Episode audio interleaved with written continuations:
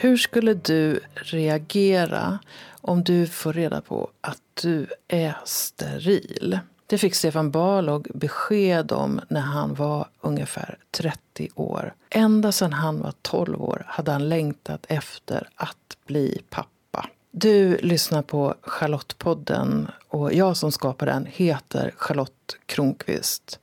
Och jag tycker ju att det här med sexualitet, tantra, relationer, intimitet, närhet är superviktigt. Inte minst för vårt välmående. Och för en tid sedan mötte jag Stefan Barlog som är sexolog och arbetsterapeut som jobbar på Bosse som är ett kunskapscenter för personer med funktionsnedsättning funktionsnedsättningar.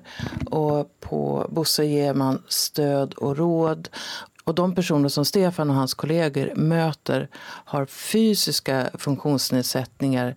Till exempel de har haft en stroke, de har MS, ALS, de är reumatiker, de kan ha en medfödd CP-skada, ryggmärgsbråck eller någon form av muskelsjukdom. Och när de har utmaningar som handlar om sexualitet så blir oftast Stefan inkopplad. Och det är spännande att lyssna på det här samtalet. För att ibland så kan vi ha en uppfattning om att människor har problem med sexualiteten. Men det Stefan ser genom sina klienter är att det ganska ofta handlar om praktiska problem hur ska man få till det? Redan nu så kan jag säga att ett av skälen till att Stefan utbildade sig till sexolog det var att han fick ett så dåligt bemötande när det blev konstaterat att han hade ett syndrom som innebär att han har en extra X-kromosom att han saknar testosteronproduktion och att han alltså är steril. Och när du lyssnar på det här programmet, fundera lite grann på vad är sex för dig och vilken sorts njutning längtar du efter? Jag befinner mig på Baldersgatan i Stockholm tillsammans med Stefan Balog som är arbetsterapeut och sexolog. Välkommen hit! Tack så mycket. Varför blev du sexolog? Oh, det var en lång fråga. Under arbetsterapeututbildningen så, eh, så eh, jobbade jag på en restaurang. En sommar så, så var det att jag gick från kallt till varmt. Och när det hände varje gång jag gick in i kallt så kändes det som om mina testiklar gick upp i ljumskarna. Och det gjorde väldigt ont. Eh, och så gick jag till studenthälsovården. Och så fick jag reda på från läkaren där att eh, i hans uttalande, så som du är skapt, så behöver du nog gå och träffa en androlog. Och jag visste inte riktigt vad det var. Det är en man som är, eller en doktor som är specialist på manliga sjukdomar som gynekolog. Så då kom jag till eh, Sofiahemmet och träffade en läkare där som inte koncentrerade sig på varför jag hade ont i mina testiklar utan han började också säga så som du är skapt så vill jag att du ger eh, ett spermieprov. Och så gjorde jag det och funderade på vad har det att göra med att jag har ont i testiklarna.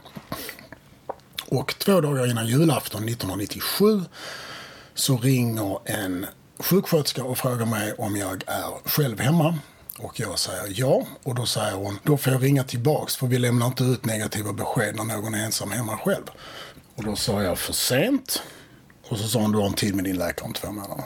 Och då sa jag att jag skulle gärna vilja ha en tid med min läkare så fort som möjligt. Och så fick jag en tid i januari. Och där säger han, ja Stefan, du har någonting som heter Klinefelter syndrom. Som betyder att du är född med en extra X-kromosom och du producerar inget testosteron och du är steril. Men du ska inte vara ledsen för det. För barn är bara kvinnans sätt att hålla dig fast i en monogam relation. Oj! Och då sa jag, skulle jag kunna få prata med en kurator? Och det sa hon, sådana har vi inte här, det där får du ordna själv. Så det är väl början till varför jag vill jobba med sexologi. Det extremt dåliga bemötandet när man slår undan hela min föreställning om vad jag vill bli. Vad hände med dig då?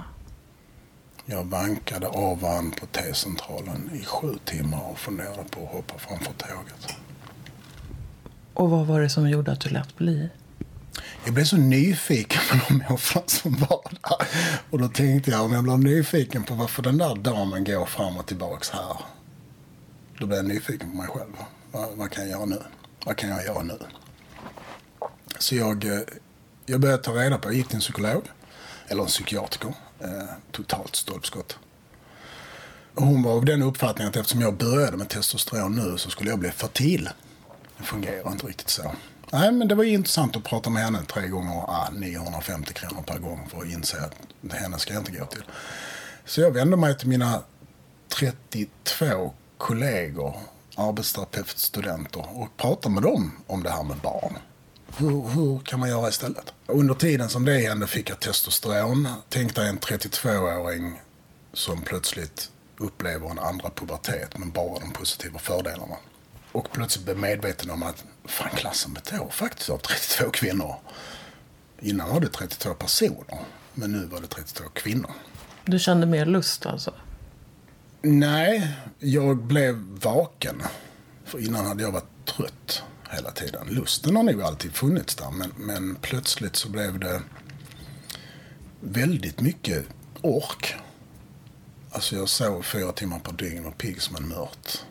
Tränade, sprang, allt möjligt liksom. Min relation gick åt pipan. Och... Ja, sen var man singel i fyra år och gjorde sånt som inte jag orkade göra sist.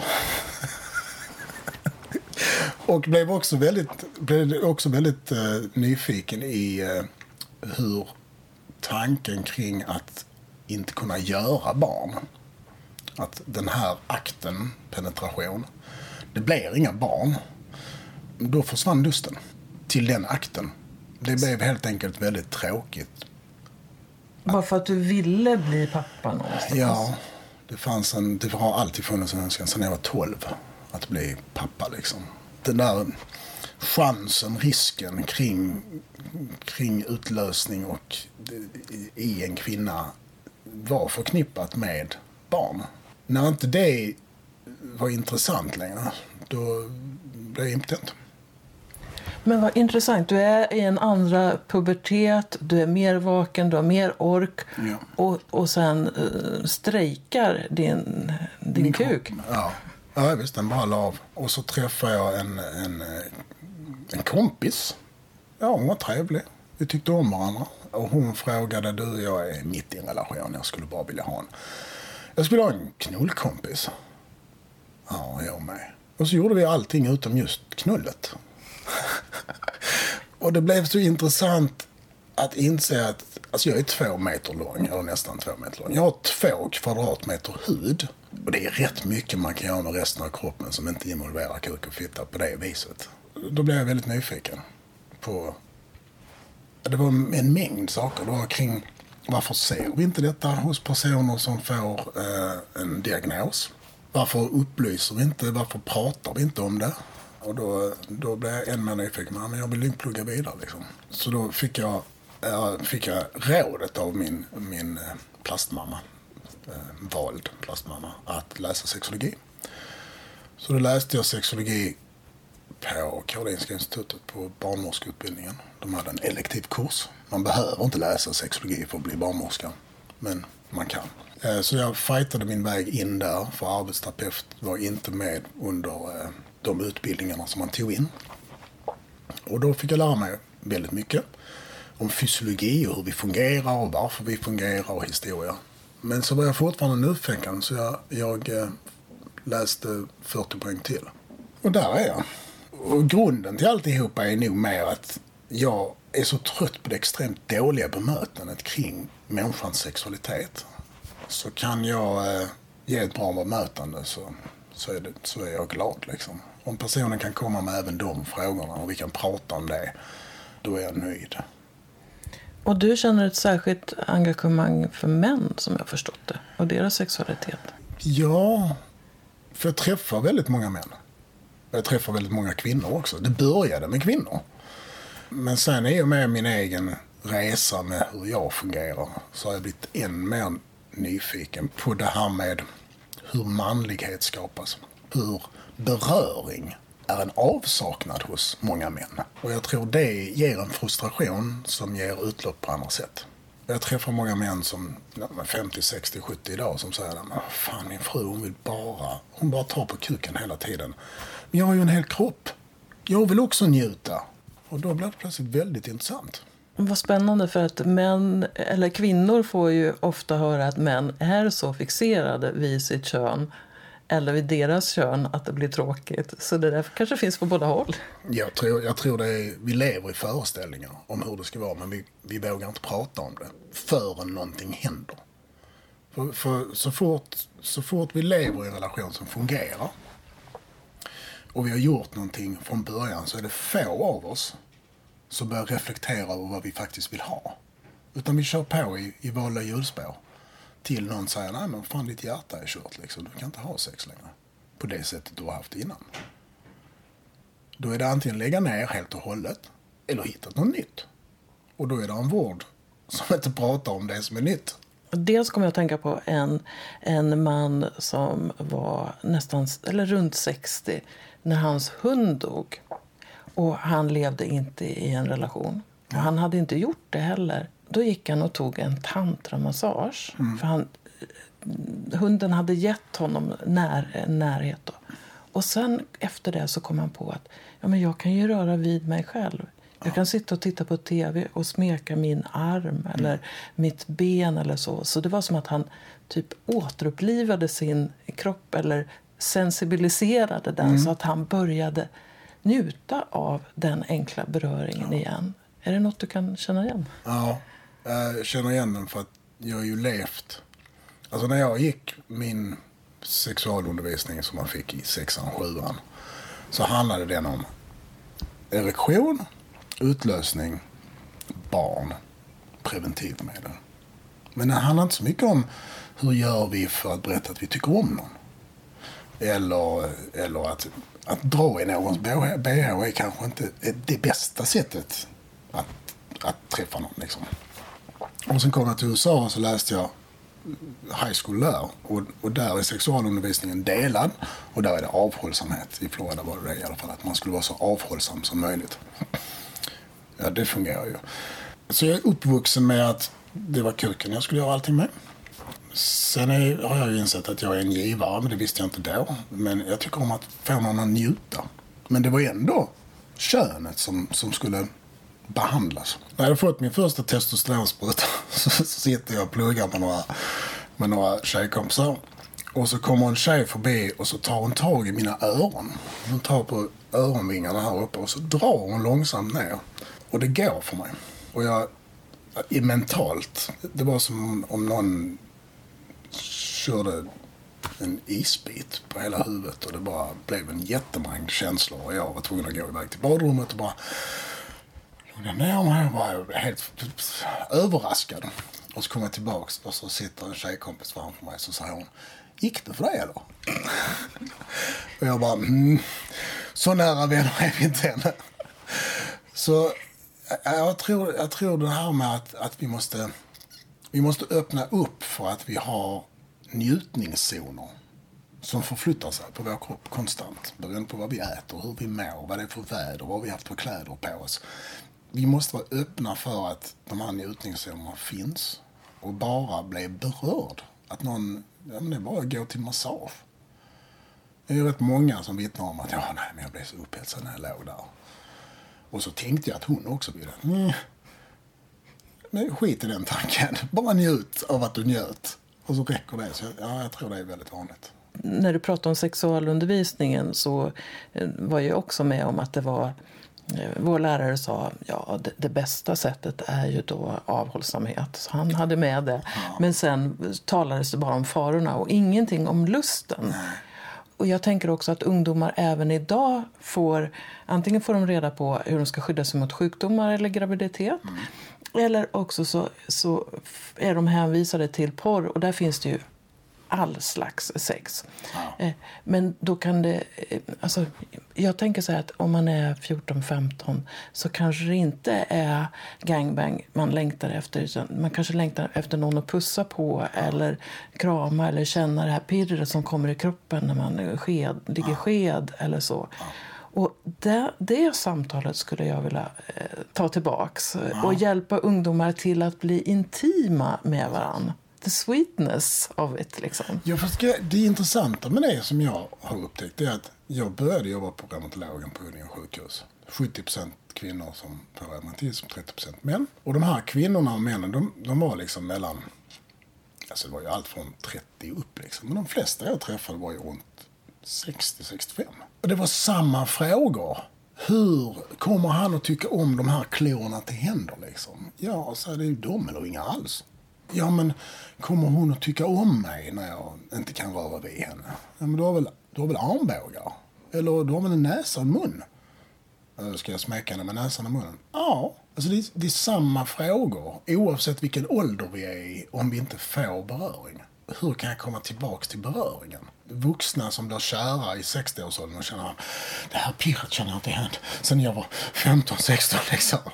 Och den här liksom, han är allt för mig eller hon är allt för mig. Liksom den här psykosen de går igenom. Som är samma oavsett ålder.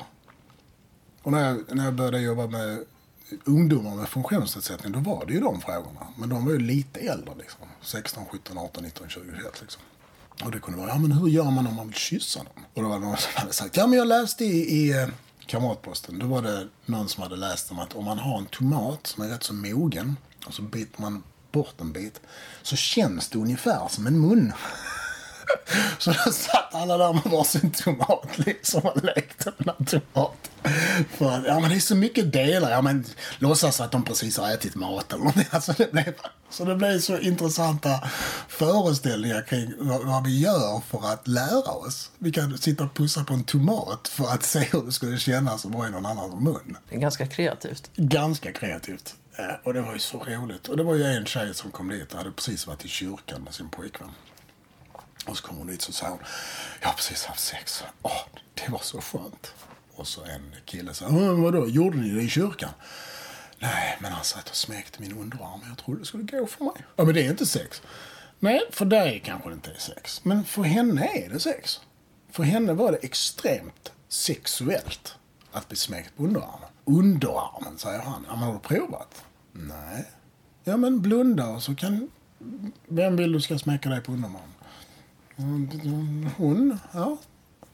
Och så satt hon och smekte honom på underarmen och så sa han, men gud vad skönt det var. Alltså, kvittar vilken ålder som helst. Alla blir, eller jag känner att många blir väldigt berörda oavsett var vi rör någonstans. Det jag märker är att ibland kan det handla om att dra ner på farten lite ja. grann. Och jag tänker, är man van vid penetrerande, hårt, snabbt sex ja så blir man van vid så hård stimuli att man eh, tappar bort att känna hur en mjuk smekning känns. Det är mm. som man får återlära det och det tror jag gäller väldigt många. Ja, framförallt någon som har haft ett, ett fungerande sexliv tillsammans. Och så sker någonting som gör att det inte är möjligt längre. Då väcks frågan om den vanligaste frågan jag får är ju, kan jag ha sex? Jag har en kompis, en kvinna, hon sa min bästa älskare var impotent. Mm. För han var tvungen att bli uppfinningsrik. Ja. Och det blev han också. Ja, men penis är ju bra för tre saker. Den har tre användningsområden som den är jättebra på. Om vi tittar på den senaste forskningen mellan man och kvinnor i alla fall. Den är bra att kissa med. Den är inte så träffsäker, men den är bra att kissa med. Den är väldigt bra att leverera spermier långt in till livmodern. Och den är väldigt bra att tillfredsställa den som bär dem. Mig veterligen enligt den forskning som finns så är den inte perfekt till att tillfredsställa en kvinna med. För man når inte de delar som klitoris nu, som vi vet, är uppbyggd av. Då är det ju två fingrar bättre. Och de är dessutom böjbara. Så jag tror att vi måste komma bort från penetrationssexet. Jag tror inte det... Jag tror att den, är, den, den kanske är mellanspelet. Så vi har förspel, sen har vi mellanspel och sen gör vi det vi tycker om. Jag tänker mer så här att det är när man älskar så är det inte något som är före, mellan och efter utan det är, Det är en process precis. där allting ingår. Ja. Men när, när jag hör någon säga så här, ja, och sen fick jag aldrig komma till. Nähä. Men allting Annat. annat då? Så jag tycker frågan vad är sex är väldigt intressant Ja. eh, på det sättet. För jag har varit med om att ha energisex Mm. utan fysisk kontakt. Alltså allt Bara från det... sitta väldigt nära varandra. Ja. Ja. Och, så, och så blir det elektriskt. Ja. Och det kommer energiorgasmer. Alltså det är ju som... Så att det finns mycket. Jag, jag känner sådana som kan stå vid ett träd i solen och bara känna åh, att det strömmar någonting. Ja, ja. Jag har en kvinna som har, hon har en aneurysm vid hypofysen. Den går inte att göra någonting åt. Jag vet inte vad det En betyder. aneurysm är, det är, en, eh, det är ett blodkärl som, som, är, som det har blivit som en liten en bubbla på. Som kan gå sönder. När som helst och då dör de flesta. Och hon har opererat bort några stycken på, på högra sidan i temporalloben. Precis ovanför örat. Men den här sista ligger kvar. Och hon, hon kom till mig och sa Nej, alltså nu, nu, nu börjar det bli jobbigt. Vad är det som börjar bli jobbigt? Nej, men alltså jag är ju jag har ju träffat en man som inte tycker om mig. Men varje gång jag ser honom, eller jag har inte ens sett honom. I natt drömde jag om honom tre gånger. Och jag kunde inte sova för jag fick så många orgasmer så jag kunde liksom inte somna om. Och nu på vägen hit så har jag haft fyra stycken på tunnelbanan. Och vet du hur svårt det är att se normal ut när man får en orgasm? Och jag fick en precis. Jag, såg, jag såg att du log lite grann. Ja, nej, jag kan inte sluta. Så han har fått liksom, det senaste dygnet hade hon fått 20 orgasmer bara genom att tänka på den här mannen. Och hon sa det är jobbigt, men det är ju också en ynnest. Alltså, fan vad det tar bort smärta. Men hade det någon koppling till hennes symptom? Eller? Nej, alltså hon, hon menar att, att när, hon hade, när hon hade blivit opererad sista gången så hade den här möjligheten ökat. Att hon kunde tänka sig till en orgasm. Och jag blev ju lite så här, avundsjuk är ju ett ord på svenska. Jag tycker envious är bättre på engelska. Alltså att jealous är ju avundsjuk. Men envious det är liksom att jag, jag skulle vilja ha det som du har det. Jag har en kompis som säger avundsglad. Avundsk, ja men den är bra. Den är också fin. Ja men det är kanske mer envious. envious. För jag, jag ty- tycker den är, den är rätt härlig liksom. Känslan att veta att är du avslappnad? Ja nu är jag. Ja men då vet man att det har gått för henne ett par gånger. ja. Vårt samhälle säger ju också någonting om penetration eller samlaget. Att det är det som är det normala, det allmänt förekommande. Jag menar, det kan vara en, en löpsedel på Aftonbladet som säger ja, Brad Pitt och vem det nu är har haft sex på stranden. Och 70% av dem jag ser och föreläser för ibland, och jag säger det, så säger de att de har haft samlag. Men det står bara sex. Ja, men det är samlag de har haft. Hur kan du definiera det till bara samlag? De kan ju ha pussats. Oralsex kan också Det vara kan möjligt. varit. Ja, men jag har träffat, eh, jag träffade en man i, någonstans i Sverige. Hans mamma hade ringt mig och sagt eh, jag vill att du kommer ner och träffar min sons assistenter för att han har nu en flickvän och de har ett sexliv så jag vill att eh, assistenterna får veta vad de ska hjälpa honom med. Ja, men då får jag nog komma ner och träffa din son. Jag bara, för det? Du vet väl hur en 30-åring har sex? Nej, alltså jag vet hur denna 30-åringen hade sex, men din son har jag inte den blekaste aning om. Och så kommer jag ner och han blissar, han, han skriver med symboler. Och då berättar han att nej, men han och hans flickvän de har smeksex, de pussar varandra, de har oralsex. Men de har inte fått till penetration. Men då har ni ju sex. Nej, men vi är ju tillsammans och, och är man tillsammans så har man samlag. Det var det som var definitionen av deras relation. Att de skulle få till ett samlag. Och jag tror inte de är ensamma om det. Nej, jag tror de, är, de tillhör normalitetsbegreppet liksom. Och sen var det bara att försöka lista ut hur de skulle göra. Men det var ju inget sexuellt problem. Utan det var mer ett praktiskt problem. Det var, det var ett positioneringsproblem. Ett praktiskt problem. Men mina arbetsterapeut och sjukgymnastkollegor skulle säga att det är ett sexuellt problem. Men han kunde ju få erektion och hon blev ju blöt. Det sexuella funkar. Och sen löste vi det. Finns det fortfarande något kontroversiellt kring att personer med olika funktionsnedsättningar har lust? Kontroversiellt, alltså lusten har de, men att de ska praktisera det. Praktiken går bra så länge det inte ska bli barn. där kommer lite frågor in. Där samhället har ett bemötande som saknar motstycke. En ung, ja, ung tjej, under 30. Första barnet går till biståndsanläggarna och önskar att få mer insatser för nu ska hon bli mamma. Varpå biståndsanläggaren svarar, ja det här problemet har vi inte mött innan. Att hon är gravid är ett problem? För biståndsanläggaren. Då blir det lite jobbigt. Eller när man nu behöver kanske mer stöd från samhället när man redan har fått barn. Ja men det kanske du skulle tänkt på innan du fick barn. Att det finns ingen beredskap kring att människor med funktionsnedsättningar, medfödda eller förvärvade, vill ha barn. Och det, det tror jag har med mycket av vår historia att göra. Och, och sen fastnar det också i att om vi, om vi ser på människor med funktionsnedsättning som icke arbetsförmögna. Nej, men vad är man om man är arbetsoförmögen? Vem är det som inte arbetar i vårt samhälle? Det är barn. Ja. Barn arbetar inte i vårt samhälle. Det förväntas inte att de ska arbeta.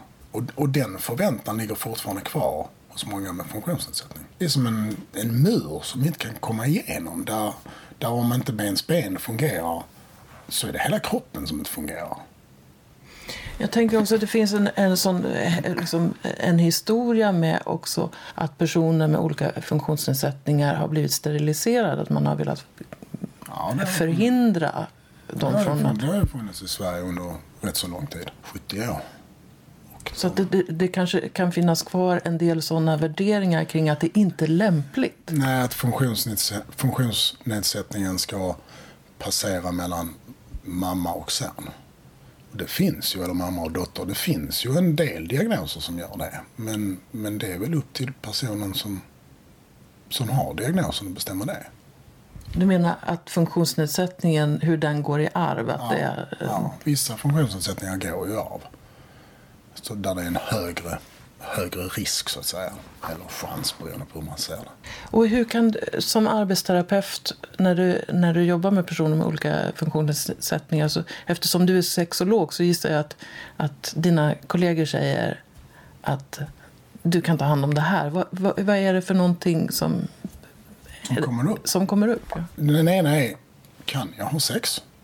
Och då är frågan, vad är sex för den personen? Och den andra är, jag vill kunna onanera. Jag träffar ju de som har väldigt liten handfunktion. Alltså i princip kanske ingen handfunktion. Eller väldigt nedsatt. Och de vill kunna onanera. Så då är det hitta hjälpmedel som kan hjälpa dem att onanera.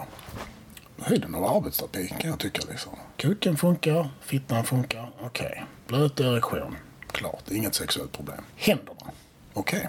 Vad fungerar bäst? Då brukar jag dra upp dem till, eller dra upp dem, jag brukar fråga om vi kan gå upp till Drottninggatan på 100 på Pistill. För Tina som äger det, de är positiva, de ser möjligheter och sen är de jättebra på att ställa de här frågorna. Men vad är det du vill uppleva? Vill du ha njutning på utsidan eller brösten eller är det ryggen? Eller, alltså, så då så lämnar jag över där så, så får de ta det med dem. Och sen om de hittar någonting så säger jag om, om rent funktionsmässigt. Man kan använda den med, kan man slå på den med hakan och näsan eller armbågen eller axeln eller vad som helst. Och så försöker jag hitta en lösning. Den andra är eh, sexställningar. Hur gör vi? Och också där, där det inte blir någon reflektion. Det är som om personen har, har missat på grund av frustrationen så blir det blir som en stress så att man, man minskar sin kapacitet att tänka logiskt. Ryggmärgsskadade män, och då menar jag inte olycka utan de har fått en, en cancersvulst i ryggen och så opererar man bort den och så blir man förlamad. Och då kommer det en man och så säger han, ja men jag behöver prata med dig som sexolog. Ja, min, min fru och jag, vi, vi får inte till det i sovrummet. Och vad gör ni i sovrummet? Vi skulle ha samlag. Och var är ni då någonstans? Ja, vi är i sängen. Så sa jag, du har inga ben som du kan använda. Din axel är körd. Så du har en arm att röra dig med. Ja, och du ligger i sängen. Är inte det liksom tortyrinstrument nummer ett? Ja, men vi har ju alltid gjort det i sängen. Innan när du kunde gå, ja. Ja, men var ska vi göra det då? Alltså, du skulle kunna sitta kvar i stolen. Och så skulle hon kunna sitta gränsla över dig. För du har väl, han använder då eh, eller eh, Taldenafil, jag kommer inte ihåg, Cialis tror jag han använder. Alltså ett eh, läkemedel. Så du skulle ju kunna sitta kvar i stolen och skulle kunna hon göra jobbet. Ja, men det gör hon ju ändå. Ja, men sitt kvar i stolen då. Ja, men, om, ja, men det kanske gör ont på hennes ben. Ja, kuddar. Ta bort armstöden, sätt dig i soffan. Gör någonting annat än att ligga i en säng, för, för det förtar din möjlighet att förflytta dig. Ja, så tummen upp några dagar senare, ja det funkar. Men inget sexuellt problem. Det är det som är så intressant. Jag har läst 50 poäng sexologi, men det handlar om arbetsterapeutiska frågeställningar.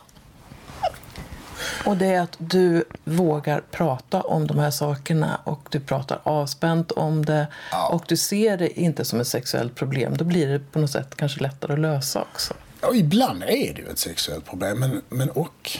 Alltså, nej, sex för mig det är nog lättare att prata om än en, en del andra saker. Så att jobba som sexolog och dessutom hjälpa män och hjälpa personer med funktionsnedsättningar. Hur har det påverkat din egen eh, sexualitet? Min förändrades redan från början. Så, så jag och min, min fru har sex. Vi har mer Rosemary Bassons modell av sex, alltså att allt är njutning. Berätta lite mer, det är Ja, men Masters Johnsons modell det är den här med alltså upphetsning och sen så är man på och, och knullar och sen så blir det utlösning och sen så blir det resolution. Det är mannens liksom.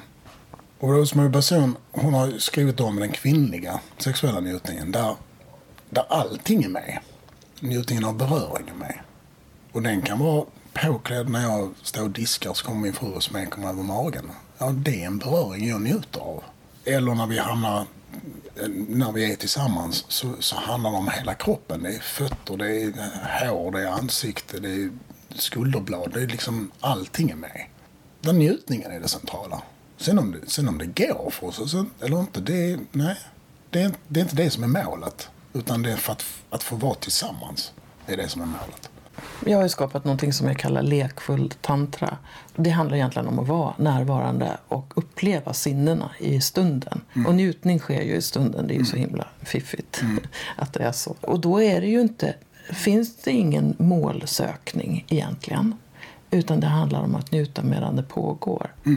Och jag tror att så, så mycket sex idag handlar om att man ska till orgasmen. Att man inte ens lägger märke till den njutning som, Som sker på väg på vägen dit. Ja. och då blir det ju så himla tråkigt för då, jag menar, då kan det ju vara de brukar säga att det normalsvenska samlaget är sju minuter men säger att det i alla fall är 20 minuter sammanlagt men allting går ut på att någon ska må väldigt bra i fyra sekunder. Det vill jag hjälpa människor med.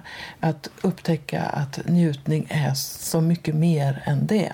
Fast, det, fast det är där jag tror problemet hamnar. Idag så är vi, vi stressade över en mängd olika saker.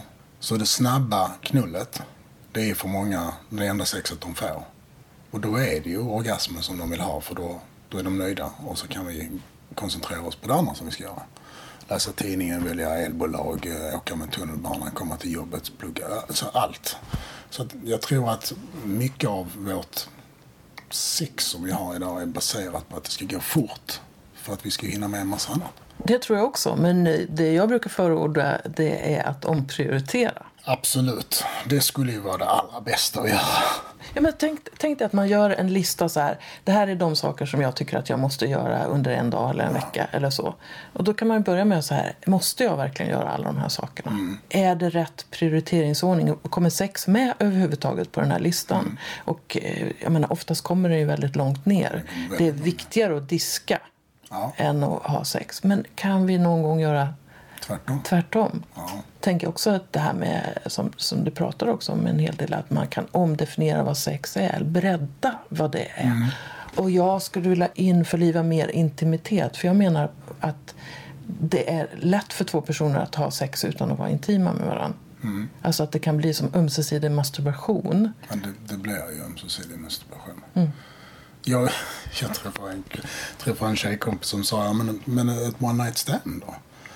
Ja, men det är väl höjden av lathet. Du känner inte personen, du vet inte vem det är, men du ska blanda kroppsvätskor och så ska allting gå ut på att du ska komma. Och att någon annan ska göra jobbet. Det är min åsikt. Jag, jag kan nog tänka att, att utlösning och orgasm, det är det som sker när man har sex med sig själv. För där blir syftet mer att nej, men jag gör det här och så gör jag det klart och sen så mår jag bra. Liksom. Men, men eh, tillsammans med en partner så tror jag mer på det du säger. Låt det ta tid och njut liksom. Njut i stunden av att bli smekt, att bli berörd, av att, att bli pussad i nacken, på ryggen och liksom, alltså njut. Och njut av att beröra, att pussa, att Ja, smeka. Precis. För, för det tycker jag är så viktigt att det är lätt att tänka att det är bara den som tar emot beröring som får någonting. Men det händer ju någonting i dina händer eller i din mun eller din kropp när du rör vid en annan person. Och det är också sånt där som, som folk inte är så uppmärksamma på. Nej, jag är en sån där som man säger av mina kollegor på jobbet. Och så säger han, ja men gud vad skönt det är. Så, ja men det är en vinst för mig också. Hur menar du då? Ja, ett, det är en vinst för mina händer, för nu har den vaknat. Och sen två, så är det ju en annan längre vinst. Det är att om du mår bra nu, så mår jag bra sen. För då mår du ju bra. Så egentligen är detta en egoistisk handling. Ja, men, nej, men, nej, men det, det är ju bättre att du bara vill göra, göra att jag mår bra. Ja, det är också, det är också en positiv del av det hela. men, men det är så mycket, alltså bara det där att, att hålla varandra i hand. Men Jag blir så glad när man är ute och går. Och så sen när jag sitter, står och väntar på Odengatan, Valhallavägen ibland och väntar på bussen. Jag tror det var i, nu i höstas så står det två killar. Och så står de bara så jättetätt sammanslingrade och bara kramar och pussar varandra. Och den här glädjen som jag kände när jag såg dem. Att, att bara få, få ta del av deras glädje för varandra. Det gjorde mig helt varm i hela kroppen. Man känner nästan den här pirrigheten direkt själv. Liksom, ah, gud, det här var ju underbart. Det är nästan som man får en oxytocin-dusch Eller själv. hur? Bara utan att ens vara närvarande i deras, men ändå stå där och få observera. Eller när man ser äldre par eller yngre, när man ser barn tycker om varandra som lutar sig fram och bara, någon erbjuder en kind och någon kommer och pussar på den. Det är ju helt makalöst. Om vi tänker oss att någon som lyssnar på det här saknar intimitet eller beröring i, i sitt liv. Vad tycker du skulle kunna vara ett första steg som de skulle kunna ta för att invitera det? Ja, först det tror jag att mycket handlar om att definiera vad det är jag vill ha. För egen del så är jag medveten om att jag har en stark hudsylt. Heter det på danska? Vad sa du? Du sa hud... Hudhunger. Hudhunger, ja. Alltså, att bli berörd, den är sensuell. Men definiera vad det är du har behov av, för det kanske inte är det knapplösa knullet du kanske vill ha. Du vill att någon tycker om dig för dig. Så jag tror mycket är att liksom reflektera på vad det är du faktiskt saknar. Istället för att falla på eh, samhällets normer. Hitta vad du skulle njuta av. Ja.